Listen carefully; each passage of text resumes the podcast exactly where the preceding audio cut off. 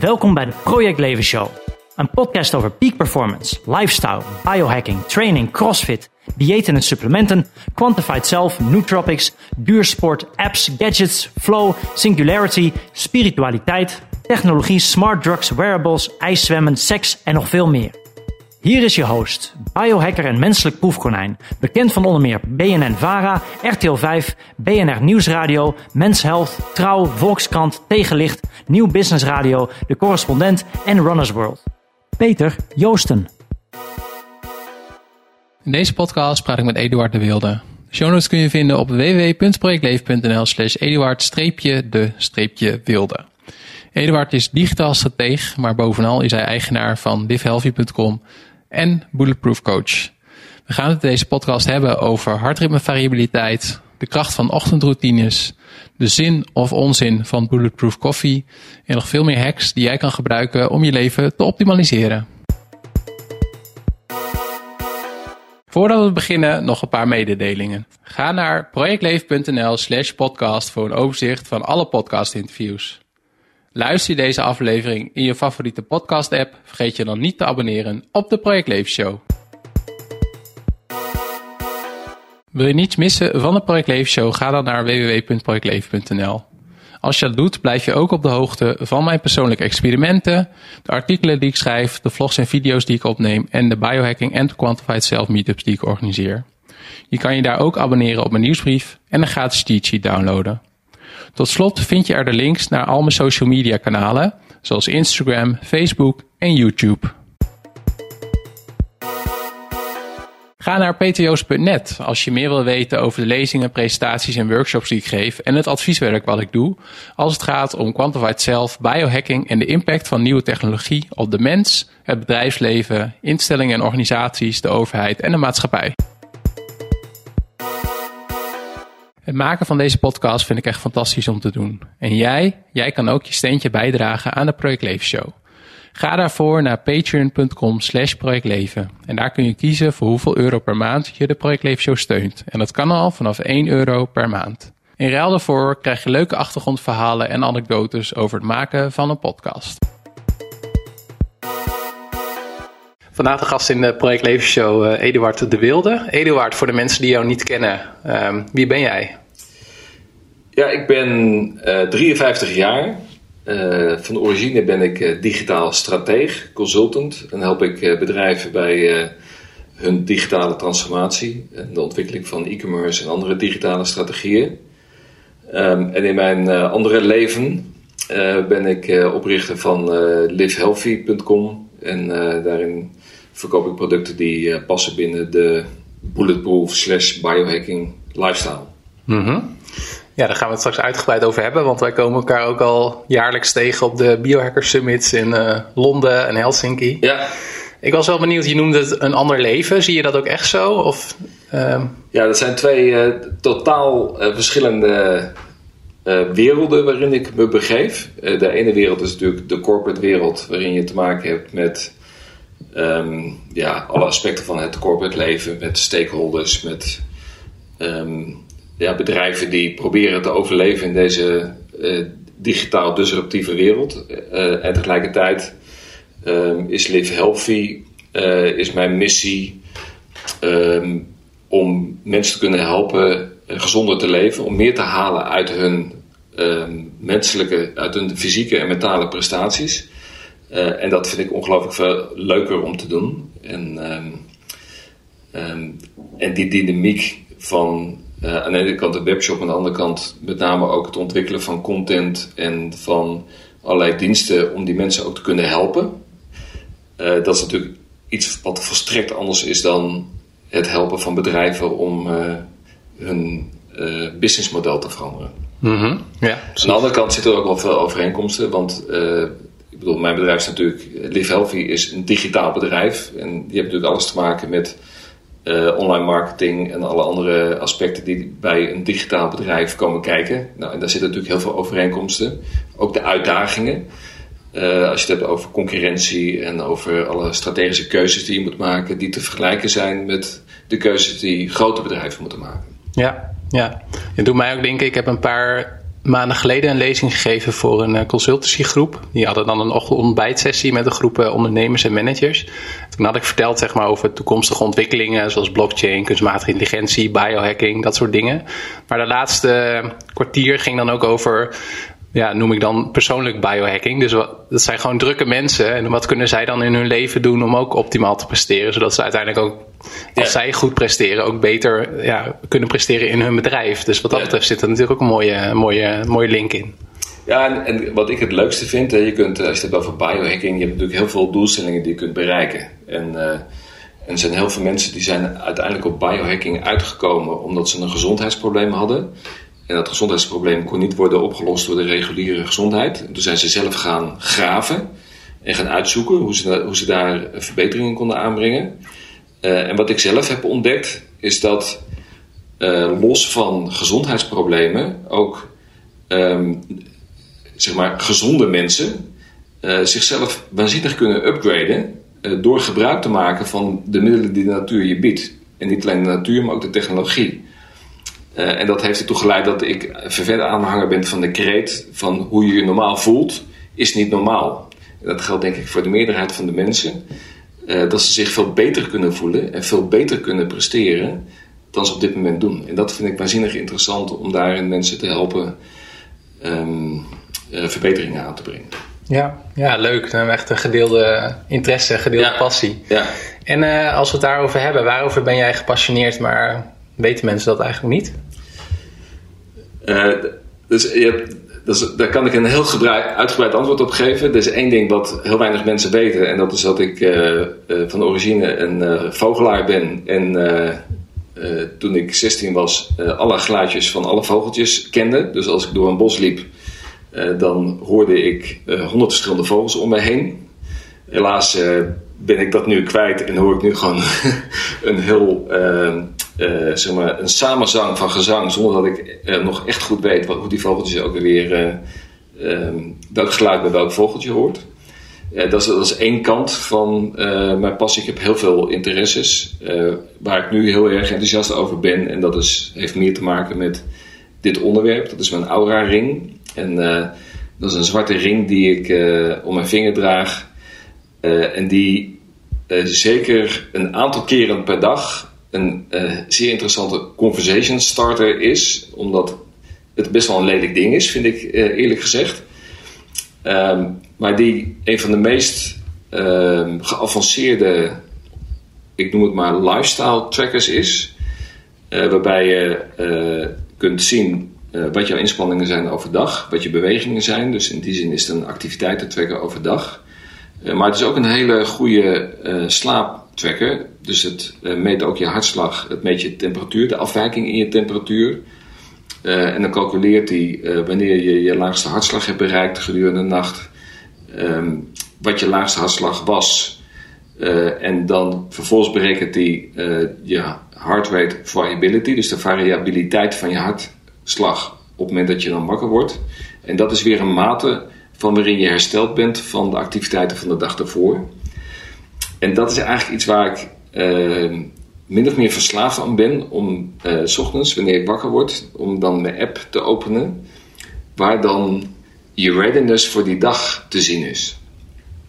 En dat is waanzinnig interessant, omdat het heel veel verklaringen geeft van hoe je je voelt, waardoor zaken die je misschien gevoelsmatig wel wist, nu gewoon recht in je gezicht, fact-based, uh, krijgt aangetoond. Dus bijvoorbeeld, uh, als ik uh, meer dan twee glazen alcohol drink, dan gaat mijn diepe slaap gaat knalhard onderuit. En mijn uh, heart rate variability, dus mijn readiness van die dag, gaat ook onderuit. Nou, dat, dat, weet je, dat zijn van die zaken. Denk van ja, je kunt heel makkelijk met elkaar denken van ah, weet je, één of twee glaasjes alcohol, dat kan wel. Maar als je op deze manier inzicht krijgt in wat voor effect het op je heeft, dan denk je wel twee keer na om dat structureel te doen. En, uh, en een ander voorbeeld is dat uh, ik op de Biohacking Summit uh, met een aantal anderen de dag erop ben gaan overnachten in de wildernis in Finland naast een ijskoud meer. Uh, en daar, van de duizend meren, toch? Zeg zo Finland, ja, dat zijn van de duizend meren. Ja, of twintigduizend meren. Het, zijn er, het zijn er ongelooflijk veel. Ja. Uh, en daar hebben we dus in de, in de open natuur hebben we geslapen. Uh, en dan sliepen we met z'n allen rondom een kampvuur, wat we dan met z'n allen moesten bijhouden die nacht. En nou, je kunt je wel aanvoelen dat iedereen begon te snurken en het een zeer onrustige nacht was. in die aura ring kon je ook zien dat de kwaliteit van de slaap echt dramatisch was. Maar de heart rate variability, en er zijn, het waren allemaal biohackers, dus het aantal mensen dat een uh, aura ring droeg, dat was echt uh, ongelooflijk hoog. Dus iedereen ging de volgende dag natuurlijk kijken van ja, hoe was nou eigenlijk de kwaliteit van mijn slaap, omdat iedereen echt heel brak opstond. En allemaal was hun uh, heart rate variability ongekend hoog. Uh, en dat leidde tot een hele uh, verwoede discussie van hoe dat nou kwam. En uiteindelijk zijn we tot de conclusie gekomen dat het connecten met de natuur, dus dat we daar de hele dag en nacht midden in de natuur, in de wildernis hebben geslapen. en dat we in het meer hebben gezwommen. Dat werd ook een, een tentsauna was er waar we dan konden stomen. En dan vervolgens weer in het meer konden plonsen met 3 graden Celsius. Dat dat blijkbaar toch heel goed is geweest uh, voor ons lichaam om te resetten en weer klaar te zijn voor de dag, zonder dat we uh, dus een goede nacht hadden gehad. Ja, ja, dat is wel een mooi voorbeeld. En ik, ik heb laatst ook een fishing quest gedaan. Dus dat lijkt er denk ik een beetje op dat je in je eentje 24 uur in het bos bent. Ja. En toen had ik uh, ja, aan de ene kant wel het idee dat ik... Toen had ik nog niet zo'n ring, want ik heb nu ook zo'n ring. En ik zal het linkje ook even opnemen bij de show notes. Maar toen had ik zelf ook het gevoel dat ik uh, slecht had geslapen. Maar ik voelde me wel gewoon heel goed en geaard. En, uh, ja. En nog een ander feitje, dat heeft echt niks met biohacking te maken. Maar ik hoorde laatst, dat vond ik echt fascinerend... Um, dat vogels ook dialecten hebben. Dus misschien kan jij de beamen of niet, maar dat een merel in Amersfoort anders uh, chillt of uh, piept dan uh, een merel in Zwolle of in Groningen. Ja, ik wist niet dat, dat het in Nederland ook zo is. Ja? Ik wist wel dat, dat de vinken die uit Scandinavië komen anders chilpen dan, dan die in Nederland. Maar dat, dat, dat het binnen Nederland ook zo is, dat wist ik ook niet. Nee, nee nou, de luisteraars ook weer wat geleerd. Ja. wat is voor jou peak performance? Uh, peak performance, dat is voor mij uh, de situatie uh, waarin alles zodanig op een plek komt dat je in een soort van flow terechtkomt en het maximale uit je eigen prestaties kunt halen. En je hoeft niet een topsporter te zijn om een peak performance te kunnen leveren. Ik denk dat iedereen kan de situatie zodanig beïnvloeden dat hij of zij in staat is om het maximale uit zichzelf te halen dat, dat is mijn ogen een peak performance. Ja, en hoe zit dat dan, um, hoe zit dat dan voor jou? Ik bedoel, je, ben, je bent niet vanzelf, denk ik, begonnen met zeg maar, het sleutelen aan, aan, jezelf en het upgraden aan jezelf. Is daar zeg maar, een bepaald moment geweest in je leven dat je besloot van, hé, hey, dit vind ik ja. interessant, hier heb ik wat aan? Ja, dat uh, is uit noodzaak geboren. Um, ik... Uh, het was in 1999 dat ik op het punt stond om partner te worden bij dat adviesbureau waar ik nu nog steeds digitaal stratege ben. Uh, en toen ben ik met een groep vrienden naar Cameroen gegaan en als gevolg van een bijwerking van Lariam, wat je gebruikt om geen malaria te krijgen, kreeg ik een angst- en paniekstoornis. Het was vrij heftig. Dat was zo dat van de een op de andere moment uh, ik niet meer een vliegtuig in durfde te stappen, een Boeing 747. Terwijl ik daarvoor nog in Cameroen met zes naadjes de jungle invloog. Uh, en op het moment dat ik over pleinen liep, uh, ter plekke dacht dat ik zou sterven. Um, en daar ben ik toen in behandeling voor geweest bij een psychiater. Die heeft antidepressiva voorgeschreven, voorgeschreven, waarmee in eerste instantie de ergste symptomen verdwenen. Maar uiteindelijk ging het niet over. En uh, toen ben ik. Uh, daar nam ik geen genoegen mee, want ik wilde weer net zo veel kunnen performen, presteren, net zoveel energie hebben als in 1999. Uh, eh, en het was ook vrij moeizaam om met zo'n situatie partner te zijn in zo'n bureau. want dat levert veel stress op. En je kunt je voorstellen dat als je een angststoornis hebt in combinatie met stress, dat is geen, goed, geen goede combinatie. Nee, sowieso niet, maar helemaal niet in zo'n positie. Nee, dus, dus ik wilde dat per se oplossen. Uh, dus ik heb toen iets van 40 therapieën uh, uitgeprobeerd. Uh, je, je kunt het therapie noemen en ik heb het ongeveer geprobeerd. Dat heb ik jaren achter elkaar getest. dat bracht allemaal wel een klein beetje verbetering, maar het loste het uiteindelijk het niet op. Dus ik werd zwaar gefrustreerd. ik kwam ook kilo's aan uit die frustratie. Dus ik, was, ik had overgewicht en ik was nog steeds niet in staat om weer te functioneren als vroeger. Uh, en uiteindelijk uh, kon niemand mij helpen. Dus de artsen die zeiden van joh, weet je, het is uh, beschadigd in je hersenen. Wen er maar aan. Dat is je nieuwe status quo. Maar ik wilde nog steeds geen genoegen nemen met die status quo. en toen kwam ik uiteindelijk bij het nieuwe bedrijf. dus ik was vertrokken bij VDW. Ik kwam bij een nieuw bedrijf. En de receptioniste daarvan zei tegen mij van joh, je moet eens kijken naar uh, het blog van Mark Sisson, Mark's Daily Apple. Uh, en die uh, schrijft over paleo en, en, en dat is ook meer een lifestyle dan dat het een, iets is om tijdelijk af te vallen en dan daarna dan, dan word je weer net zo dik als anders. dus, um, dus ik begon me daarin te verdiepen en toen werd ik helemaal gefascineerd. ik vond dat hij het op een hele toegankelijke manier schreef. Uh, ik ben al zijn boeken gaan kopen, ik ben het gewoon gaan implementeren. En toen merkte ik een waanzinnige verbetering in hoe ik me voelde. Een verbetering die ik daarvoor met al die 40 therapieën nog niet had ervaren. Dat is echt een wow-effect. Ja, dat was een wow-effect. En, uh, en via Mark Sisson kwam ik toen op Rob Wolf terecht. Uh, en, en je hebt natuurlijk heel veel van die thought leaders in Amerika in de paleo scene. en via al die verschillende Voortleaders kwam ik uiteindelijk op Dave Asprey terecht uh, van Bulletproof. Um, en toen kwam ik eigenlijk in, zeg maar, in contact met het fenomeen het biohacking. En toen ontdekte ik dat je lichaam een biochemische fabriek is, uh, met allemaal hele ingewikkelde processen. En dat je in staat bent om heel veel van die processen te beïnvloeden.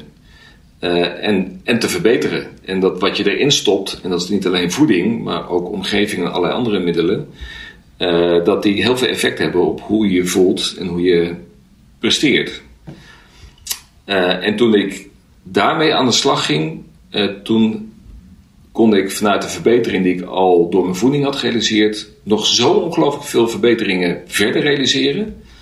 dat ik nu kan vaststellen dat ik me nu beter voel dan in 1999 toen ik uh, uh, in Cameroen was geweest en Lariam heb geslikt. Ja. En, uh, en, dat, en dat heeft voor mij toch wel tot, tot nou ja, het inzicht geleid dat de manier waarop wij leven en hoe jij je levensstijl inzet, dat dat een, een impact kan hebben op een mens wat echt fenomenaal is. En en, en dat heeft er dus toe geleid dat ik met Live Healthy dat wil delen met andere mensen.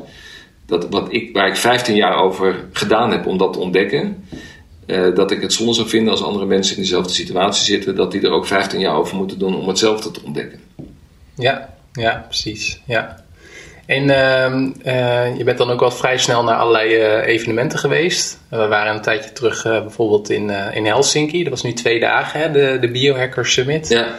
Um, daar heb ik zo meteen een vraag over. Maar jij bent ook Bulletproof Coach, hè? Want je hebt eigenlijk twee grote wereldwijde events op dit gebied, zoals ja. ik het zie. Namelijk de Bulletproof Conference en de Biohacker Summit. Ja. Uh, en jij bent ook opgeleid als Bulletproof Coach. Kun je nog vertellen wat dat precies inhoudt? Ja, wat je, uh, dat, is een, uh, dat is een opleiding die duurt ongeveer een jaar, iets korter. wat begint met een, een offline bijeenkomst. Dus een, zeg maar, uh, op een locatie uh, waar je twee dagen een seminar krijgt uh, door Bulletproof, door de, degene die verantwoordelijk is voor de opleiding van de Bulletproof Coaching, Mark Atkins. En um, vervolgens heb je een online training waarbij je studiemateriaal tot je moet nemen. En dat bestaat uit, uit boeken, PDF's en, en videomateriaal. Uh, en uh, wekelijks met een buddy een call hebt. Je hebt wekelijks of twee wekelijks heb je met uh, de organisatie heb je calls. En gedurende negen maanden leer je de verschillende principes van de lifestyle, de biohacking lifestyle of de bulletproof lifestyle, hoe je het ook mogen noemen. Um, en hoe je die kunt overbrengen op andere mensen om die te helpen om hun performance te verbeteren. en uiteindelijk moet je aan het eind moet je vijf mensen moet je ook coachen. Dus dat is onderdeel van het hele programma. En dan heb je ook een assessment waarbij beoordeeld wordt hoe je dat hele coaching doet. Uh, en word je uiteindelijk gecertificeerd Bulletproof Coach. Ja, ja, en dat gaat dan een stapje verder, want de meeste mensen kennen Bulletproof van uh, de Bulletproof Coffee. Ja. En als ik daarover vertel, dan krijg ik soms nog altijd glazige blikken of uh, heel veel gelach. Ja. Want dat is koffie met boter en MCT-olie. Ja. ja. Ja, kijk, Bulletproof en Dave Asprey is bekend geworden om zijn Bulletproof koffie. En Bulletproof heeft twee kanten. het is, aan de ene kant is het echt een marketingmachine die bijzinnig goed uh, de boodschap verkondigt dat Bulletproof Coffee uh, goed is voor je. Aan de andere kant heb je het gedachtegoed van de Bulletproof Lifestyle. En dat is de biohacker Dave Asprey. die ik nog steeds heel inspirerend vind in het inzicht geven in hoe je met behulp van technologie, van je omgeving, van slaap, van voeding, van supplementen jezelf kunt verbeteren. En ehm, eh, en dat is eigenlijk hetgeen wat je leert tijdens de coachingopleiding. Dus die coachingopleiding die staat ook los van Bulletproof als productverkoper. Dus het is ook niet het idee van Bulletproof coaches. Dat zijn een soort Herbalife um, uh, salesfiguren die Bulletproof supplementen moeten verkopen. Nee. nee het is zeer nadrukkelijk. Um, de, de doelstelling van die opleiding is zeer nadrukkelijk om gewoon mensen in feite helpen gelukkiger te worden. Want daar komt het ongeveer op neer. Ja, ja want wij hebben daar ook al eerder over gehad. Hè? Want het is ook niet zo dat je, uh, ja, als je mensen verder wil helpen die eh, gewoon blijven leven zoals ze nu doen, maar dan elke ochtend nog een extra kop bulletproof koffie drinken, dan dat is ook niet de oplossing. Dus het, gaat, het is een breder. Het is, het is eigenlijk meer een uh, ja, leefstijlinterventie. Het is, een, het is een, uh, denk ik een fout die verschrikkelijk veel mensen maken. Die horen over bulletproof koffie. Uh, die denken dat is een soort uh, magic pill. Uh, beginnen bulletproof koffie te drinken en vervolgens komen ze 5 kilo aan in een maand. Ja. en, en ik probeer iedereen altijd, ik probeer altijd te voorkomen dat mensen zomaar beginnen met bulletproof koffie zonder dat ze begrijpen wat het, het idee erachter is en hoe het past binnen een hele lifestyle. Want het heeft nauwelijks zin om te beginnen met bulletproof koffie als je niet ook de andere ideeën daarachter uh, toepast. En dat is niet exclusief bulletproof. Uh, maar dat, weet je, wij zijn op die Biohacking Summit geweest. Uh, en uh, je hebt het Biohackers Handbook, wat die organisatoren hebben geschreven, wat een fascinerend mooi boek is. en dat zijn eigenlijk al dezelfde principes als die worden onderwezen binnen het hele bulletproof lifestyle. Um, en die heel veel andere volkliederen ze ook aanhangen. Dus het is niet een exclusief bulletproof feestje. Het is Asprey, die pakt gewoon net zo goed de elementen uit um, uh, wat, zeg maar, wat succesvol is om jezelf te upgraden, als alle anderen die bezig zijn met biohacking. Ja, en ik heb voor de podcast uh, veel verschillende mensen geïnterviewd. Ook mensen die wat sceptischer zijn ten opzichte van Bulletproof Coffee. Yeah. Wat antwoord jij als jij uh, ja, een, een, een, sceptische reactie krijgt op het drinken van Bulletproof Coffee? Uh, ik, ik heb één antwoord en dat geldt voor een heleboel andere vragen. want je weet dat voeding dat is iets religieus. En dat roept dezelfde emoties op als een religie. Dus is, bij heel veel mensen is er nauwelijks over te discussiëren of iets goed of fout is. Dan gaan mensen, zeker online, uh, worden extreem fanatiek. En mijn antwoord is altijd joh, uh, probeer het zelf. dus verdiep je erin. En op het moment dat je effecten voelt, dan is dat blijkbaar iets wat werkt voor je. Ik meet ook altijd alles, dus ik meet ook mijn bloedwaarde. Ik heb in ieder geval hele goede ervaringen met het drinken van bulletproof koffie. Ik kan ook beargumenteren waarom ik vind dat dat een, gezonde, een gezond ontbijt is. Uh, ieder andere die vindt dat dat niet zo is, prima. Uh, maar ik vaar er wel bij en daarom uh, pas ik dat binnen mijn eetpatroon pas ik dat in, omdat het mij heel veel energie brengt in de ochtend. Ik heb meteen een kickstart als ik moet presteren op mijn werk. Ik krijg geen honger uh, op het moment dat, ik, dat het lunchtijd is, of om 11 uur, als de anderen naar een snack grijpen, dan ben ik nog steeds verzadigd. Dus het geeft mij een constante energie. Ehm, en, eh, en in, als je de juiste stoffen gebruikt, zoals bijvoorbeeld gasgevoerde boter, uh, dan ben ik van overtuigd dat je ook de goede um, vetzuren binnenkrijgt met vitamines erin. en inmiddels is ook alweer wetenschappelijk aangetoond dat verzadigde vetten helemaal niet ongezond zijn voor een mens. dus er, er, komt ook steeds meer echt wetenschappelijk onderzoek. en dat is ook de hele, het hele idee achter biohacking dat je, je experimenteert met jezelf, maar je probeert ook zoveel mogelijk het te doen op basis van wetenschappelijk gefundeerd onderzoek. Dus ik volg niet een een of andere guru. Ik probeer echt alle dingen die mensen eh, die, die mij inspireren, mij aanbieden, probeer ik op mezelf uit. Ik test het, ik meet mijn bloed en, en daar trek ik mijn conclusies uit. Ja, ja ik denk dat dat wel een mooie samenvatting is van wat biohacking is. Als mensen dat ook aan mij vragen, zeg ik dat inderdaad, dit is het gebruik van biologie en technologie en wetenschap. En wat ik jou ook hoor zeggen is eigenlijk ja, ook systematisch naar, uh, kijken naar van, wat zijn de effecten geweest van bepaalde interventies. Ja. Dus dat is wel een, uh, ja, het is breder dan, en daarom vond ik als voorbeeld ook wel aardig wat je in het begin vertelde. Want heel veel mensen hebben rondom biohacking ook een heel erg technologische lading. En dat, die is er ook wel. Wat mij opviel bijvoorbeeld van de Biohacker Summit in Helsinki. Is dat er ook heel veel aandacht was. Ook steeds meer over ja, de effecten van natuur. Het ging daar over uh, ja. forest bathing. Dus dat je een, een, ja, een wandeling in het bos. En dat leidt na 15 minuten tot een afname in je stresshormonen. En et cetera, et cetera. Is dat ook een van de ontwikkelingen die jij ziet in de, de biohacking uh, sfeer. Om het zo maar te zeggen? Ja, wat je, kijk, waar het, waar het in mijn beleving op neerkomt, is dat uh, wij als mens in feite uh, losgeraakt zijn van onze natuurlijke omgeving. Met alle consequenties van dien. dus uh, sinds we binnen zijn gewoond, sinds we de industriële revolutie gehad hebben, sinds we de zeg maar, voedsel zijn, zijn gaan bewerken, sinds we ons helemaal uit de naad werken, 24 uur per dag, 7 dagen per week, sinds we kunstlicht hebben. Dus al die verschillende ingrepen, die hebben ervoor gezorgd uh, dat uh, wij eigenlijk gewoon permanent onder stress staan.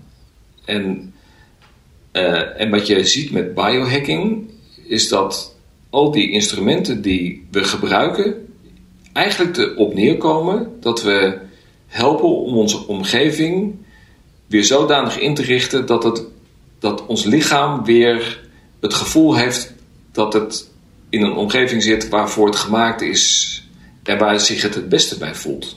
Dus om een voorbeeld te geven, blauw licht, en we krijgen steeds meer blauw licht. Uh, dus als je kijkt naar kantooromgevingen en uh, verlichting in het huis, uh, dan hebben we zeker met de LED-verlichting te maken met blauw licht, wat normaal gesproken alleen in de ochtend plaatsvindt, als de mhm. zon opkomt. Het zit ook al in onze schermen hè, van uh, telefoons. Ja, laptops, ja. ja, nou ja, en dus uh, wordt je melatonine aanmaakt, die wordt daardoor verstoord, want je lichaam denkt, hé, hey, het is uh, ochtend, dus waarom zou ik nu in slaap willen vallen? En dan kun je dus twee dingen doen. en, en, en, dus heel veel mensen hebben slaapproblemen. Een van de factoren kan zijn dat ze te lang achter schermen zitten, te lang geconfronteerd worden met blauw licht. Nou, dan kun je dus twee dingen doen. Je kunt zeggen van nou, ik, uh, ik vervang al mijn lampen. Of ik doe al mijn lampen uit. Ik zet overal kaarsen in mijn uh, huis. Uh, of je kunt een zonnebril opzetten met blauw licht de glazen. En op die manier proberen het effect van blauw licht te verminderen. En dat, dat zijn van die voorbeelden van biohacking. dat je op die manier je lichaam weer dat je net doet alsof je weer in een natuurlijke omgeving zit, zodat je lichaam ook weer zijn processen op een natuurlijke manier kan uh, ja, afwikkelen, uh, zou ik gaan zeggen. Dus dat je uh, je, je lichaam als, als het ware helpt. Ja, ja. Ja, dat, dat viel me trouwens ook op, want dat, dat brengt mij op het thema van, van bioritme. Ik vond dat ook in Helsinki dat dat een van de thema's was die veel aandacht kreeg. Ook bijvoorbeeld van Joseph Cohen van Self-Hacked. Ja. Um, hij had trouwens nog wel een interessant punt. Want hij was niet zo voorstander van, uh, van, uh, van het vasten in de ochtend of bulletproof koffie. Maar hij zei van je moet juist ochtends veel eiwitrijke voeding nemen. Uh, want daar, daar is je bioritme op afgestemd. Um, dus ik vond het wel interessant van ja, ook het wat jij aangeeft over blauw licht. Van dat we eigenlijk steeds meer zijn losgezongen van uh, de wijze waarop wij als mens zijn geëvalueerd eigenlijk. Ja. En dat we nu eigenlijk weer nieuwe tools nodig hebben, zoals een lichtwerende bril of andere lampen, om dat weer een beetje terug te brengen. Dat is eigenlijk ook wel een beetje gek. Ja, aan de ene kant is het gek. Uh, en uh, aan de andere kant denk ik van ja, weet je, het, als je op die manier in staat bent om die stress die er op je lijf zit, kunt verminderen, waardoor je heel veel van die symptomen, welvaartsziektes kunt vermijden en daardoor je gewoon beter kunt voelen. Ja, waarom zou je het dan niet doen? Mm-hmm. En, uh, uh, en uh, er komt ook steeds meer bewijs voor wat jij noemt met dat dag-nachtritme. volgens mij is de Nobelprijswinnaar van dit jaar ook daarop. voor de gezondheid, ja. ja. De geneeskunde bedoel ik, ja.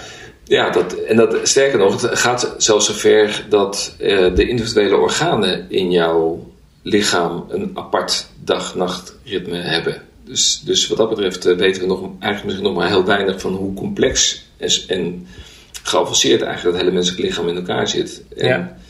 en hebben er geen idee van hoe we met onze moderne leefwijze geweld uh, doen aan dat hele mooie lichaam eigenlijk. Ja, ja. ja, dat vind ik ook wel heel interessant. Dus aan de ene kant uh, hou ik me persoonlijk ook bezig met biohacking als het gaat over 3D-geprinte organen en uh, chips in mijn lijf en zo. Ja. En uh, dat we ooit de ruimte ingaan en wat betekent dat voor ons als mens. maar dat we aan de andere kant inderdaad gewoon ook op het niveau van organen of dag- en nachtritme, wat wel vrij essentieel is, dat we daar eigenlijk nog zo weinig van weten. Ja, ja. ja er was één, er was één voorbeeld. als je het over technologie en het, um, het toevoegen van technologie aan je lichaam. Uh, dat was Fifth Sense. Of North Sense moet ik North eigenlijk Sense, zeggen. ja. En dat vond ik een van de meest intrigerende sessies. Uh, ik heb daarna ook uh, uitvoerig nog met die meneer erover nagedacht. Dat was Liviu Babits. Ja, ja, ingewikkelde naam. Ja. Intrigerende man. en die heeft een apparaatje ontwikkeld. Wat je met vier piercings op je borst bevestigt. Uh, die piercing zit dus permanent uh, op je, in je huid. Uh, en dat apparaatje dat is in een plastic ingekapseld. en dat prik je als het ware op die piercings. En dat geeft een vibratie op het moment dat hij naar het noorden draait. want hij had het idee dat um, vogels en allerlei andere dieren die weten gevoelsmatig waar het noorden ligt. Dat is een, een sensatie die wij niet kennen. Uh, en zijn veronderstelling was dat, dat dat een extra zintuig zou kunnen zijn, wat we door middel van technologie kunnen toevoegen. En wat een extra beleving oplevert die ongekend is. En hij bevestigt inderdaad dat het een ongekende beleving oplevert bij hem. Maar voor iemand die dat apparaat niet heeft, is het ongelooflijk moeilijk om voor te stellen wat het betekent om altijd te weten waar het noorden ligt. Want hij weet dat altijd. Hij weet uh, of zijn vrouw op het noorden slaapt, uh, of zijn kind op het noorden slaapt. Op het moment dat hij de lift uitloopt in zijn hotelkamer, weet hij precies of de gang op het noorden ligt. En ieder normaal denkend mens denkt van ja, wat heb je eraan? en bij hem leeft dat dus blijkbaar een, een, een, nou ja, een sensationeel extra gevoel op die zijn leven verrijkt. En waarbij hij niet meer zonder kan. Ja, ja, dat is wel heel leuk. Uh, ik heb ook toevallig, uh, of niet toevallig, omdat ik net zo geïntegreerd was als jij. Ja. Ik heb hem ook nog geïnterviewd voor mijn, uh, op, op mijn YouTube kanaal. Kan ik een, dus ik zal het wel even bij de linkjes zetten. Maar ik heb hem nog even kort na afloop ook even geïnterviewd. Wat ik er ook zo bijzonder aan vond, is een achtergrondverhaal. Dus hij Ja. heeft het ook. Uh, hij heeft zich ook een lange tijd uh, bezig gehouden met mensenrechten en dat hij ondergedoken moest zitten, begreep ik. Ja. En dat dat misschien ook wel bijdraagt aan dat je dan zo'n uh, ja, zo'n instelling hebt om technologie daarvoor te gebruiken. Of dat je dan, ja, dat je er dan toch op een andere manier dan naar biohacking kijkt. Dus ik ben daar ook nog niet helemaal over uit, maar ik vond het wel een interessante gedachte. Ja, het is wel het, het is het, een intrigerende man, omdat hij hij noemt zichzelf geen biohacker omdat hij ehm, uitsluitend, als je het hebt over allerlei elementen waar wij over spreken, die jouw ehm, mentale en fysieke prestaties kunnen beïnvloeden, daar is hij helemaal niet mee bezig. Uh, hij heeft dat ondergrondse netwerk opgezet in, in landen waar uh, misdaden tegen de menselijkheid plaatsvinden. Ik sprak met hem en ik zei: joh, jij moet wel een heel moedig mens zijn om het huis te verlaten waarbij je vriendin niet weet of je ooit nog terugkomt. Waarbij je iets van twintig verschillende identiteiten hebt. En in feite ging hij identiteitsloos door het leven. dat doet wel iets met een mens. En hij zei van ja, inderdaad er zijn twee dingen. Van de ene kant, uh, ik vind jou moediger dat jij in een ijsbad springt, want dat zou ik nooit durven. Ja. Kun je zien wat voor een verschillend perspectief mensen op de wereld kunnen hebben. Um, en, uh, uh, en ten tweede gaf hij aan in wat voor een um, emotionele rollercoaster die terecht is gekomen. Sinds hij met North Sense op de markt is gekomen, wordt hij geïnterviewd uh, voor alle tv-stations die je maar kunt bedenken. En nu is hij in één keer bekende persoonlijkheid. Dus als je eerst vijf jaar lang geen identiteit hebt gehad en ervoor moest zorgen dat niemand wist wie jij was en wat je deed, ben je nu in één keer een bekende persoonlijkheid. En dat is voor hem een, een ongekende aardverschuiving in hoe hij zich voelt en uh, ja, wat betekent voor zijn privéleven. Ja, ja, ja, heel interessant. In datzelfde rijtje, dan blijven we nog even bij technologie. Uh, was ik heel erg te spreken over de lezing van Chris Dancy. Chris Dancy die is uh, een paar jaar geleden uitgeroepen tot de most connected man. En hij liep ook met, drie, uh, met een Apple Watch nog drie andere activity trackers rond. En wat mij zo aansprak in, in zijn verhaal is dat hij het had over uh, hoe technologie eigenlijk speelt met je tijdsbesef. Dus dat je aan de ene kant technologie hebt die nu dingen van jou wil. Je WhatsApp, je Instagram, je Facebook, je e-mail, notificaties. Maar dat je ook steeds meer ziet dat uh, technologie je kan helpen met herinneringen. Dus ik vond het wel heel bijzonder dat als hij in een restaurant was met zijn man, dan hadden ze Shazam aanstaan, die dan de muziek uh, kon opnemen. En ze hadden foto's gemaakt en dan konden ze thuis konden ze dan de lichten afstemmen op die foto's. En dan zetten ze Shazam aan en dan hadden ze zeg maar de afspeellijst. En hij noemde dat dan ook dat hij, de, dat hij en zijn man de uh, herinneringen hadden gedownload om ze later nog een keer te kunnen gebruiken. Ja. Dat vond ik zo fascinerend, omdat dat vaak gaat het als het over quantified zelf gaat of zelfmetingen, dan wordt er in mijn beleving altijd heel eendimensionaal naar gekeken. Ja. Van uh, het is een beetje narcistisch en wat moet je er nou mee? Ja. Maar ik vond dat, ja, zijn lezing vond ik wel echt uh, indrukwekkend daarin. Dat hij, dat hij er eigenlijk meer filosofisch uh, naar keek. Ja. ja. En ehm, is er nog iets wat je bijbleef van, van de lezingen van het weekend? Of misschien van andere summits? Nou, wat ik ehm, Waar ik zelf ook persoonlijk een enorm fan van ben, is het idee van ochtendrituelen. En wat, wat, kijk, het risico vind ik van biohacking is dat het nog nogal nederig imago heeft. dus het, het, het zijn de, de voorlopers die dat adopteren. Wat jij zelf aangeeft, het gaat heel vaak over technologie.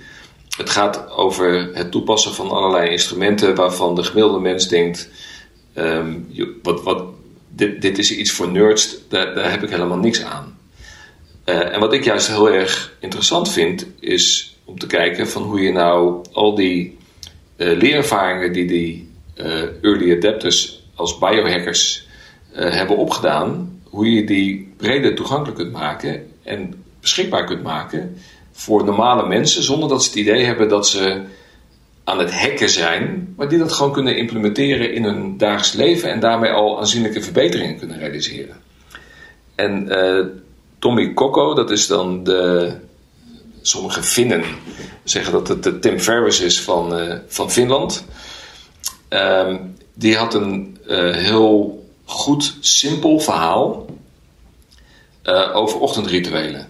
En, en, en dat vind ik een van de meest krachtige instrumenten die je kunt toepassen om tien keer meer uit je dag te halen dan wanneer je dat niet doet. En, uh, en het idee achter uh, ochtendrituelen, ochtendroutines, uh, is dat je er allerlei elementen in stopt die je normaal gesproken wilskracht kosten. En de gedachte is dat iedereen opstaat met een aantal eenheden wilskracht en dat gedurende de dag je die eenheden verbruikt door dingen te doen eh, die je eigenlijk niet wil, of dingen te laten die je wel wil. Ehm, en daardoor aan het eind van de dag je geconfronteerd wordt met ehm, eh, zaken die je uh, eigenlijk wil laten staan, omdat je wilskracht op is, die is al verbruikt gedurende die dag. Uh, vind je het ingewikkeld om op dat moment je glaasje wijn niet te drinken, of op dat moment de borrelnootjes of de chips niet te eten. Want je kunt het niet meer. Dus dan is het in feite, kun je het jezelf niet verwijten, want je wilskracht is gewoon op. En doordat, door een aantal van de elementen die je per se wil doen, bijvoorbeeld sport, want dat is ook zo'n ding wat dan aan het eind van de dag ben je moe en dan sport ik niet meer. Of je wil mediteren aan het eind van de dag en uh, daar heb je ook geen fut meer in. Door een aantal van die elementen in je ochtendroutine op te nemen en door dat structureel elke dag te doen, kost het geen wilskracht meer en benut je na die ochtendrituelen uh, eigenlijk uh, die, die, die elementen wilskracht nog gewoon voor de rest van de dag. Die kun je nog daarvoor gebruiken. En, en dat vind ik een waanzinnig krachtig instrument. Ja, ja. En hoe ziet jouw uh, ochtendritueel nu uit? Uh, dan moet, heb, je er, heb je er even tijd voor? nou ja. uh, maar ik heb een vrij uitgebreid ochtendritueel. En, uh, en dat begint ermee dat ik geen, in principe geen wekker zet, maar opsta wanneer ik wakker word.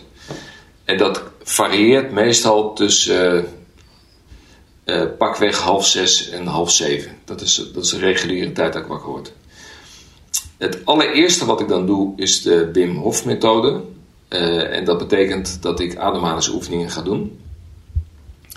en die ademhalingsoefeningen, dat doe ik 40 keer, of 4 keer, 30 keer, 40 keer ademhalen en dan mijn adem inhouden. En dan weer opnieuw. En op die manier maak je lichaam uh, alkalisch, pH-neutraal en vervoer je al je zuurstof naar alle uithoeken in je lichaam. Dat vind ik een waanzinnig krachtig instrument dat als ik met een beetje sufhoofd wakker word en ik doe die ademhalingsoefeningen, dan voel ik me echt herboren. Dat eindigt dan in opdrukken. Dus dat is dan mijn volgende stap in mijn ochtendritueel. Dan uh, ga ik een glas lauw warm water drinken met uh, appel, azijn en uh, citroensap en wat zout erin en wat cayennepeper. Uh, daarna uh, ga ik mediteren, doe ik wat yoga oefeningen. Dan stap ik onder de koude douche. Dan ga ik um, kijken of. Pak, nee, dan pak ik mijn 5 minute journal en dan schrijf ik op waar ik dankbaar voor ben en wat mijn belangrijkste doelstellingen zijn voor die dag. Dan doe ik mijn computer aan of pak een boek waarvan ik weet dat ik dat per se gedaan moet hebben. Dus een blogposting schrijven of een artikel lezen of iets anders wat per se moet gebeuren. Uh, en op het moment dat dat afgerond is, uh, dan drink ik mijn bulletproof koffie. Dan pak ik mijn krant. Ik ben nog steeds uh, een vervent krantlezer. Dus dat is een papieren krant. Een papieren krant, old school. Uh, en als ik dat achter de rug heb, dan pak ik mijn telefoon, uh, haal ik hem uit de flight modus uh, en kijk ik welke e-mail binnen is gekomen. En dan vanaf dat moment word ik eigenlijk geleefd hm. door. Zeker met twee banen of ja, twee verantwoordelijkheden. Ja. ja. door mijn omgeving. En, en op deze manier, dit ochtendritueel, dat kan drie uur duren heb ik de bevrediging dat ik alle belangrijke dingen van die dag al gedaan heb. Want ik stop er ook nog, want dat ben ik nog vergeten te noemen, uh, dat ik uh, eh, 30 keer met mijn kettlebell ga zwaaien. Je, dan heb ik het gevoel van ik heb mijn lichaam aan het werk gezet. ik heb mijn koude douche genomen. Ik ben klaar voor de dag. Ik heb de belangrijkste dingen gedaan. En wat er ook vandaag gaat gebeuren, het maakt niet uit. Want ik heb de belangrijkste dingen al gedaan. En dat geeft je een soort rust. Dat uh, je zonder, relatief zonder stress de dag tegemoet kan treden. Want je hebt al zoveel achter de rug. Dat is zeg maar quality time die je helemaal voor jezelf hebt gehad. En dan is het niet erg dat de rest van de tijd gaat naar klanten, naar collega's, naar vrienden, familie, etc. Ja, ja. Nee, er komen twee gedachten in me op. In, uh, ik heb een tijdje terug ook met uh, Chi Chiu van uh, Chivo gepraat over gedragsverandering. Gedragsverandering is gewoon heel moeilijk, omdat je er wilskracht voor nodig hebt. Dus als mensen inderdaad vragen van ik wil mediteren of vaker sporten of iets, iets, iets dergelijks, dan zeg ik ook meestal dan kijken of je het inderdaad in je ochtendroutine kan integreren. En als je het dan een paar keer doet, dan wordt het, gaat het automatisch, want je bent niet anders gewend. Ja. Dus dat vind ik heel fascinerend. En tweede, uh, wat ik ook leuk vond aan Helsinki, is, uh, ik heb natuurlijk Casper van der Meulen al een keer geïnterviewd voor de podcast, maar die deed daar ook een lezing en een, uh, en een workshop. En die workshop deden we ook onder meer de, de Wim Hof methode. Dat vond ik heel erg leuk. En wat ik interessant vond aan zijn lezing nog, um, was dat, en dat heeft wel een beetje te maken ook met dat bioritme dat hij heel erg liet zien van gedurende de dag moet je ook rekening houden met wanneer jij in je uh, parasympathische of in je sympathische staat zit. Dus bouw ook in de dag momenten op in dat je ook even kan ontspannen en relaxen in plaats van wat jij in het begin ook al zei, van dat we nu wel in de maatschappij leven, dat je altijd aan moet staan. Ja. Dus dat vond ik ook wel heel, uh, heel interessant. Ja, ja. Dat, en dat uh, is voor mij een van de allergrootste uitdagingen om dat te kunnen. Ja. Dus als jij, uh, uh, zeg maar, ik, het, mijn leven, ik heb een to-do-lijst die nooit op, opraakt. En op het moment dat je met heel veel energie zo'n dag begint, dan is de grote valkuil om dan gewoon aan één stuk door, door te traven. En dat is natuurlijk heel ongezond. dus het is inderdaad de uitdaging om jezelf te forceren uh, die, die pauzes te nemen. En, uh, en ook dat zou je door middel van routines kunnen inbouwen uh, in, in je dag. Uh, je hebt van die apps met um, Pomodori timers, dat je op die manier gedwongen wordt, dus dat je 25 minuten werkt. En dat er dan een signaal afgaat en dat je die 5 minuten gewoon gaat wandelen, dat je de trap even gaat nemen, dat je even gaat opdrukken. Weet je, ja. dat zijn allemaal van die instrumenten om je lichaam weer te resetten. Uh, want het is inderdaad, wat Casper uh, daar heel mooi uitlegde, dat als je dat cortisol-level gewoon de hele dag op dat hoge niveau hebt, ja, dan, uh, dan gaan er allerlei dingen niet goed in je, in je systeem. Ja, nee, dat, ik herken het voor de mensen die mijn Facebook volgen, die weten het al, maar ik heb nu ook mijn, mijn, ja, mijn baan opgezegd, dus ik ben nu ook fulltime met, met bloggen en met spreken en podcasten bezig. En ik merk het ook al bij mezelf dat ik dan nu ook de neiging heb om, een, wat jij ook zegt, om gewoon alleen maar door te gaan. Maar uiteindelijk kom je dan jezelf tegen. Dus ik probeer ja. ook bewust, uh, ik gebruik ook Pomodoro. Ik doe dan een dubbele. Uh, niet om te pochen, maar dat werkt voor mij gewoon wel ja. fijn. Dat 50 minuten en dan 10 minuten pauze. En dan in die 50 minuten, dan heb ik hem ook ingesteld. Uh, dat is een Chrome plugin dat ik dan ook niet uh, naar Facebook en zo kan. Ja. Maar nu is toch wel de uitdaging dat ik in die 10 minuten dan niet ook allemaal social media achter mijn scherm, achter het blauw licht ga doen. Maar ja. uh, echt even naar buiten gaat of de oefeningen gaat doen zoals jij, zoals jij die zegt. Ja, ja je, hebt, je, hebt, je hebt wel, wel zelfdiscipline nodig. En nou ja, dan kom je weer terug op waar we het over hadden, wilskracht. Hoe meer je kunt inbouwen in routines, hoe, hoe makkelijker het is. En um, ja. Uh, ja. Ja. En wat zijn uh, van de dingen die je nog niet hebt genoemd, of misschien is er wel iets wat je zo belangrijk vindt dat je hem nog een keer wil noemen. Wat zijn voor jou de drie beste biohacks om meer uit het leven te halen? Zoals Dave Asprey dat altijd vraagt in zijn podcast. Ja, ja en ik, en ik uh, voor mij zijn dat biohacks die denk ik, het, um, zeg maar, relatief voor de hand liggen. Maar juist omdat ze voor de hand liggen, zo verschrikkelijk goed toepasbaar zijn. En, uh, en voor mij zijn de drie belangrijkste instrumenten om, waardoor ik in staat ben geweest om uit de situatie van Cameroen nu te kunnen zeggen dat ik me beter voel dan toen, uh, is voeding. Uh, en dat betekent een high fat, low carb uh, voedingsstijl met kwalitatief hoogwaardig voedsel in combinatie met intermittent fasting. Dus dat je soms een dag niet eet, soms dat je het, zeg maar, het ontbijt alleen met bulletproof koffie doet of zonder bulletproof koffie doet. dus dat je ook heel veel experimenteert ermee.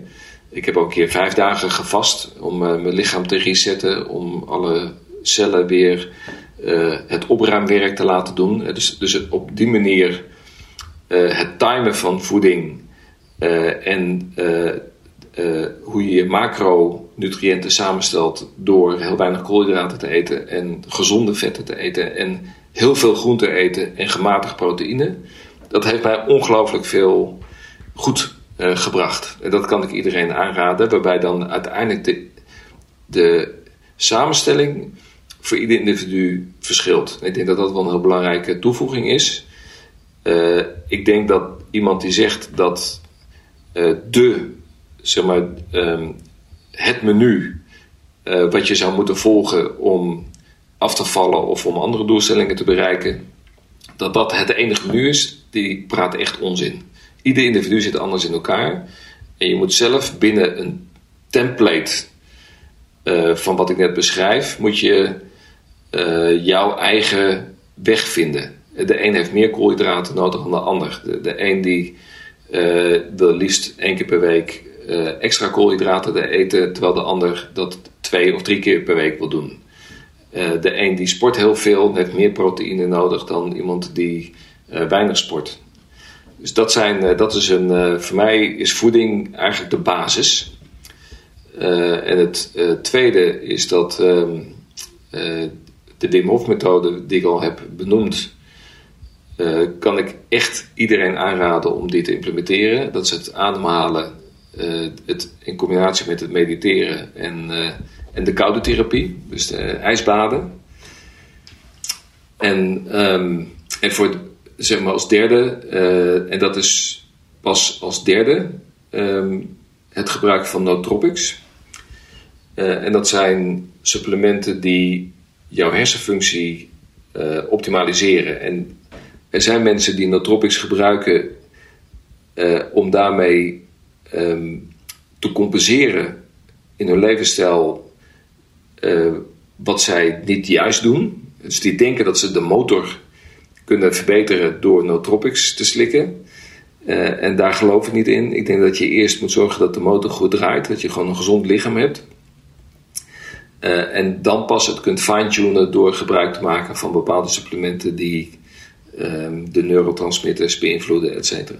Ja, ja. ja, voor de mensen die het interessant vinden, een aantal dingen die jij noemt, daar zal ik ook linkjes over opnemen in de show notes. Bijvoorbeeld vijf dagen niet eten, dat heb ik ook een keer gedaan. Dat is eigenlijk weer een podcast op zichzelf en Nootropics inderdaad ook. Uh, ja. Heel interessant. Uh, inderdaad, en wel goed dat je zegt, de disclaimer. Dus ik merk ook wel dat er soms mensen zien, uh, wat je in het begin al noemde over bulletproof coffee, van dat is een soort van uh, uh, silver bullet. Yeah. kun je overal voor gebruiken, dat dat dan ook voor nootropics geldt. Maar het gaat eigenlijk om dat, dat je basis ook op orde is. En dat je dan zeg maar daar weer op, op kan stekken, dat je weer beter kan presteren. Ja, ja en, en, en, en daarbij vergeet ik bijna nog het, een andere hele belangrijke component, en dat is de manier waarop je traint. En, en ik sinds ik uh, twee keer per week krachttraining ben gaan doen. Dus dat is echt hele zware krachttraining. En één keer per week high-intensity intervaltraining. Uh, heb ik ook een ongelooflijke vooruitgang geboekt in mijn fysieke gesteldheid.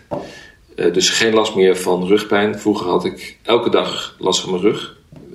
Ik zit natuurlijk veel op kantoor, in de kantoorstoelen. Altijd last van lage rugklachten. en met deze manier van trainen um, voel ik me fysiek sterk.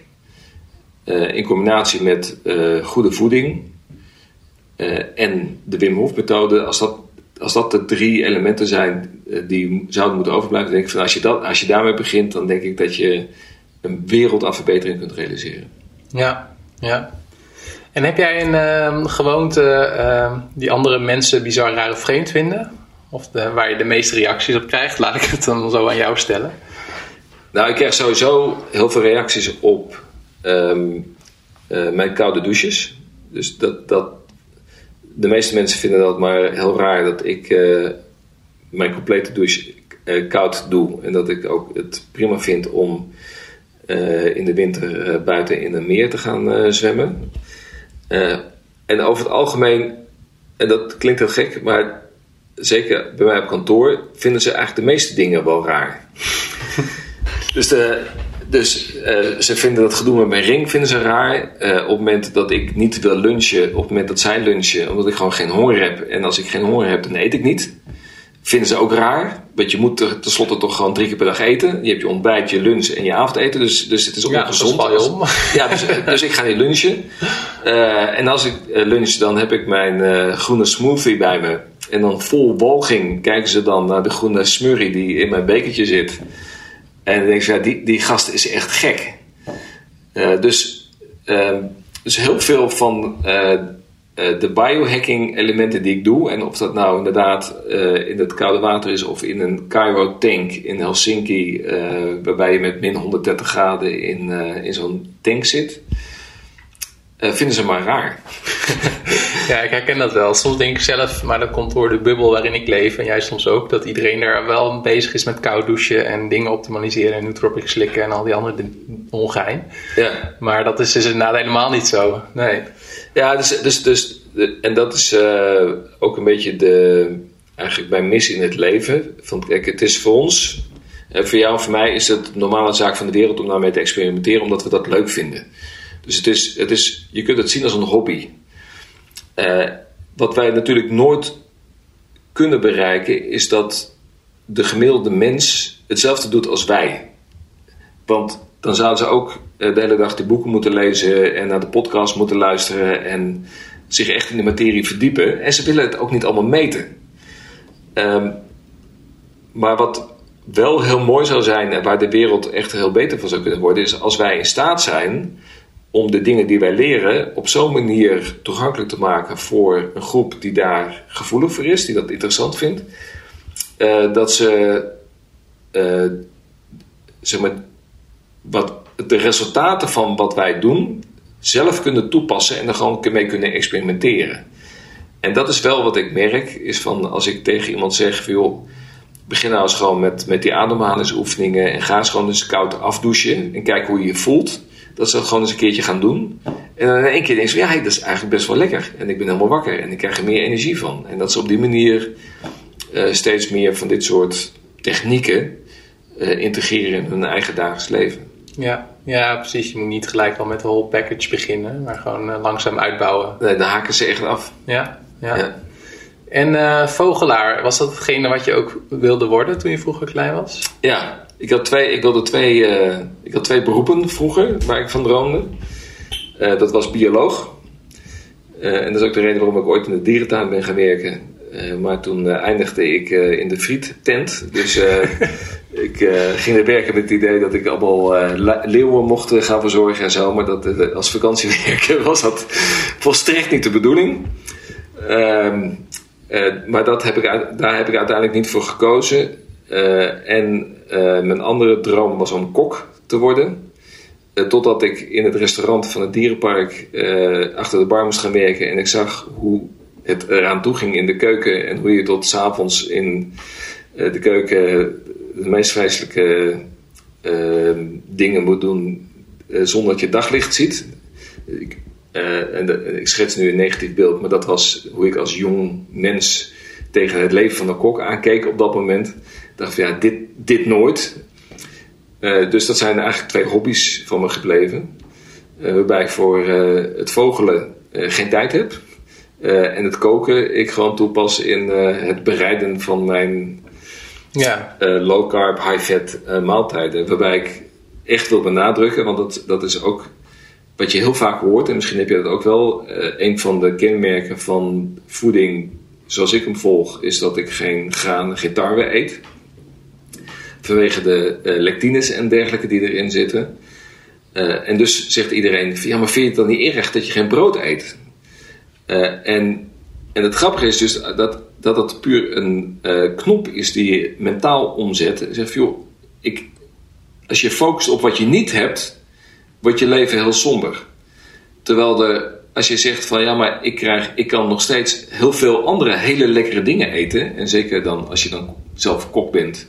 Dan kun je ongelooflijk veel hele lekkere dingen maken. Zonder dat je gebruik maakt van brood of andere eh, granen. Eh, en dan ziet het leven dus heel anders uit. Dus, dus ik, heb, ik heb ook de mazzel dat ik koken gewoon hartstikke leuk vind. En, eh, nou, ja. Nou, ergens is dat biologie en het kok dus nog wel ja, in eh, terechtkomen. Ja, dus, dus ik denk dat, dat in feite met dat hele biohacking misschien wel onge, merkt een, een jeugddroom toch alsnog in vervulling is geraakt. En dat ik nu in mijn vrije tijd een studie biologie aan het doen ben. Ja, eigenlijk wel. Ja. ja. En heb je ook een favoriet boek en uh, waarom?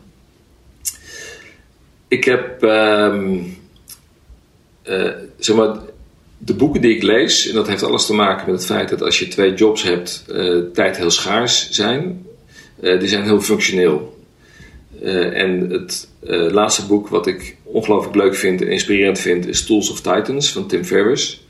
Waarin die allemaal mensen die een top performer zijn op hun terrein interviewt en dat toegankelijk maakt op een, ik noem het maar op een snackable manier. Dus je kunt at random door het boek heen gaan en daar heel veel inspiratie uit halen. Dus dat vind ik een boek wat ik iedereen kan aanraden. Ja, en heb je ook een favoriete film of documentaire? Ja, dat heeft, en dat heeft niks met, uh, uh, met dit onderwerp te maken. Uh, en dat gaat over, dat is een documentaire op Netflix over de CrossFit Games. En daar laten ze de atleten zien hoe die van voorbereiding uiteindelijk door die ongelooflijk zware competitie van, zo'n, van die CrossFit Games. Dat zijn misschien wel de zwaarste atletische wedstrijden die er op, in de wereld bestaan. Misschien mhm. is het wel zwaarder dan de Olympische Spelen, wat die mensen moeten doen. Ja. En dat, die documentaires die vind ik echt fascinerend en inspirerend. Want dan zie je ook uh, hoeveel toewijding je moet hebben om een topprestatie te leveren. En, uh, uh, ja, en, en, en, het is heel. Ehm, ja, het is gewoon leuk vermaak. Ik bedoel, het is ook goed gefilmd. Ja, het is ook knap om te zien wat, wat, wat, wat de menselijke fysieke capaciteiten zijn. Hè? Ja, en ook wel mentaal natuurlijk. Ja, ik, ik vind het onbeschrijfelijk. Dan, als ik zie wat die, die, atleten kunnen, dan ben ik stom verbaasd eh, dat ze nog kunnen lopen. ja. Dat is echt, echt waanzinnig. Ja, ja. Ja, ik vind dat ook knap. Ook omdat je echt allround moet zijn. Want de ene keer moet je rennen, de andere keer moet je zwemmen, de andere keer moet je ja. uh, gewicht uh, tillen en zo. Ja. Ja, wij, wij, uh, wij sponsoren uh, Govert Viergever. En dat is een uh, Olympisch roeier die voor goud gaat in Tokio. En ehm, eh, die, dat is ook wel interessant, iemand die ook met biohacking bezig is om zijn atletische prestaties te optimaliseren. En hij noemt dit soort mensen noemt hij freaks of nature. en dat zijn mensen die met, een, met genen geboren zijn, waardoor zij in staat zijn om dit soort bovenmenselijke prestaties te leveren. en daarmee zich onderscheiden van alle anderen in de wereld. Want dit is natuurlijk voor een normaal mens, en laat ik het even op mezelf houden. Ik zou never nooit in staat kunnen zijn om, om zoiets te kunnen doen wat die uh, eh, 50 of 60 atleten tijdens die CrossFit Games doen. Want die zijn ook geselecteerd volgens mij uit tienduizenden voorselecties. Ja. En nou ja, dat Is, je kunt er alleen maar met bewondering naar kijken. Ja, ik ook hoor. En ik vind het ook heel gaaf om, uh, om wat jij ook zegt, om wel dingen mee te, mee te pakken. Want zijn, zij presteren natuurlijk op een extreem hoog niveau en doen, hebben dan ook meer mogelijkheden om dingen te onderzoeken, omdat dat gewoon daar deel uitmaakt van, uh, van winnen of verliezen. Hetzelfde geldt een beetje voor, voor het leger. Dus dat je wel ziet dat daar wel allerlei dingen weer terugcijpelen die dan uiteindelijk bij uh, ons als gewone mensen terechtkomt. Dus, dus, ik zie het ook wel als een soort van laboratorium, de topsport en, uh, en andere dingen. Ja. Heb je ook een favoriete website, blog of podcast? Ik heb er meerdere. Ik heb, de, ik heb die al genoemd van Mark Sisson, omdat ik vind dat die op een hele toegankelijke manier wetenschap, de inzichten, wetenschappelijke inzichten beschrijft en een onderwerp bespreekbaar maakt. Ik vind dat hij altijd up-to-date is met dingen die, die er spelen. Dus Mark's Daily Apple. uiteraard natuurlijk Bulletproof. maar dat is natuurlijk omdat ik sowieso een bulletproof fan ben. Ehm, en de podcast die ik luister, dat zijn er een aantal die in mijn vaste repertoire zitten. Dat is de podcast van Dave Asprey, de podcast van Ben Greenfield, um, Ryan Muncie van Natural Stacks um, en, en Tim Ferriss. Uh, dat is eigenlijk wel mijn shortlist dat als ik in de auto zit of waar dan ook, waar ik mijn tijd mee doorbreng. Ja, ja, ik zal ook de linkjes opnemen naar alle, alle podcasts en websites en, en boeken. Ja. En nou, we hebben, je hebt al een heleboel tips gehad, maar als, er, als mensen straks klaar zijn met luisteren, wat moeten ze dan volgens jou direct gaan doen? Ze moeten hun keuken opruimen en alle kunstmatige troep weggooien die in de keukenkastjes zit. Enerzijds om daarmee gezonder te gaan eten. En anderzijds om de verleidingen uh, die je hebt uh, op het moment dat je thuis komt en je hebt geen wilskracht meer, om daar niet aan te hoeven blootstaan. maar gewoon jezelf het ook makkelijker te maken om gewoon op dat moment gezonde keuzes te maken. Ja, goede tip. Hebben wij iets gemist in dit gesprek wat je nog wel graag benoemd zou willen hebben? Ja, wat ik. Wat ik um, en ik weet niet, ik weet niet uh, of dat te ver reikt voor nu. Uh, wat ik uh, heb gedaan in, in, de afgelopen 15 jaar is een, een, een toolset ontwikkeld. wat ik gebruik om mezelf te hacken. en ik heb er een aantal van genoemd. en misschien is het wel leuk om nog de andere te noemen zonder daar diep op in te gaan. Dus voor mij bestaat uh, de set van tools om jezelf te upgraden uit voeding, uh, het verbeteren van je slaap. De slaap is eigenlijk de basis van alles. Uh, koude- en warmtetherapie, dus niet alleen de ijsbaden, maar ook de sauna's, hebben bewezen aantoonbaar effect op um, het verlengen van je leven en het voorkomen van allerlei hartkwalen, et cetera. Uh, supplementen hebben we besproken. Uh, licht is een uitermate belangrijke, hebben we ook besproken. Uh, straling en sport. en in mijn ogen moet je uit al die elementen, kun je uit al die elementen de instrumenten halen die je stapje voor stapje in staat stellen om meer energie te hebben, om je meer weerstand te reduceren, om um, uh, langer te kunnen leven, beter uit te zien, makkelijk op gewicht te blijven. Dat is in feite de set van tools uh, die je kunt inzetten als een biohacker, ook al ben je zelf geen biohacker. Ja, nou, wel mooi gezegd, want dat denk me nog even op de gedachte van ja, al die dingen die ik doe en die jij doet, dat uh, dat staat niet op zichzelf, maar heeft wel als doel om langer te leven, om beter te presteren, om nou, met dingen die jij net noemde. Dus dat is wel een mooi, uh, mooi raamwerk. En ik was ook, uh, toen ik dagvoorzitter was op het Paleo-event dit voorjaar, heb je het ook gepresenteerd. Dus ja. Dat, ja, dat was erg interessant. Ja. Wat vond je van het interview? Ja, ik vind het hartstikke leuk. Zoals je misschien merkt, als je mij eenmaal een vraag stelt, dan kan ik moeilijk stoppen met het uh, uitweiden over alle dingen die ik gewoon fascinerend vind. Ik vind het gewoon een, een, fascinerend onderwerp. En, uh, um, en ik vind het hartstikke leuk met jou uh, als, ehm, als, zeg maar, als, als deelgenoot van deze passie om over dit soort onderwerpen te praten. En ik denk dat wij hier nog wel uren over door zouden kunnen praten. Ja, we zijn toch wel een beetje nerds dan. Ja, in ieder geval early adapters, laten we het zo noemen. Ja. Hey, en um, laatste vraag. Uh, waar ben jij te vinden op internet en social media? Ik um, uh, ben te vinden op uh, www.livehealthy.com, H-E-L-F-I.com, maar dat wellicht dat je daar nog een linkje voor opneemt. Ja. en um, de, op Instagram uh, plaats ik foto's uh, om te laten zien hoe ik als 53-jarige uh, de, deze levensstijl op een makkelijke manier kan implementeren in mijn leven. Om het zo ook makkelijk te laten zien dat het ook best wel makkelijk is. Het is niet ingewikkeld. en dat is Eduard en dan een onderliggend streepje Live Healthy. en, um, en op Facebook, op Live Healthy. Ja, nou, ik zal het allemaal opnemen bij de, bij de show notes. Leuk. Dankjewel, Eduard. Ja, jij ook bedankt. Bedankt voor het luisteren naar de Project Leven Show.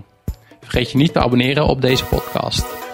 Wat ik leuk vind is als je een review of beoordeling achterlaat op iTunes. Ga naar projectleven.nl om op de hoogte te blijven van de podcast, de persoonlijke experimenten, vlogs en video's die ik maak en de meetups die ik organiseer. Je kan je daar ook abonneren op mijn nieuwsbrief en een gratis cheat downloaden. Ga naar peterjoost.net als je meer wil weten over mijn advieswerk, lezingen, workshops en presentaties die ik geef. Ga naar patreon.com slash projectleven om te laten zien dat je een supporter bent van de Project Leven Show.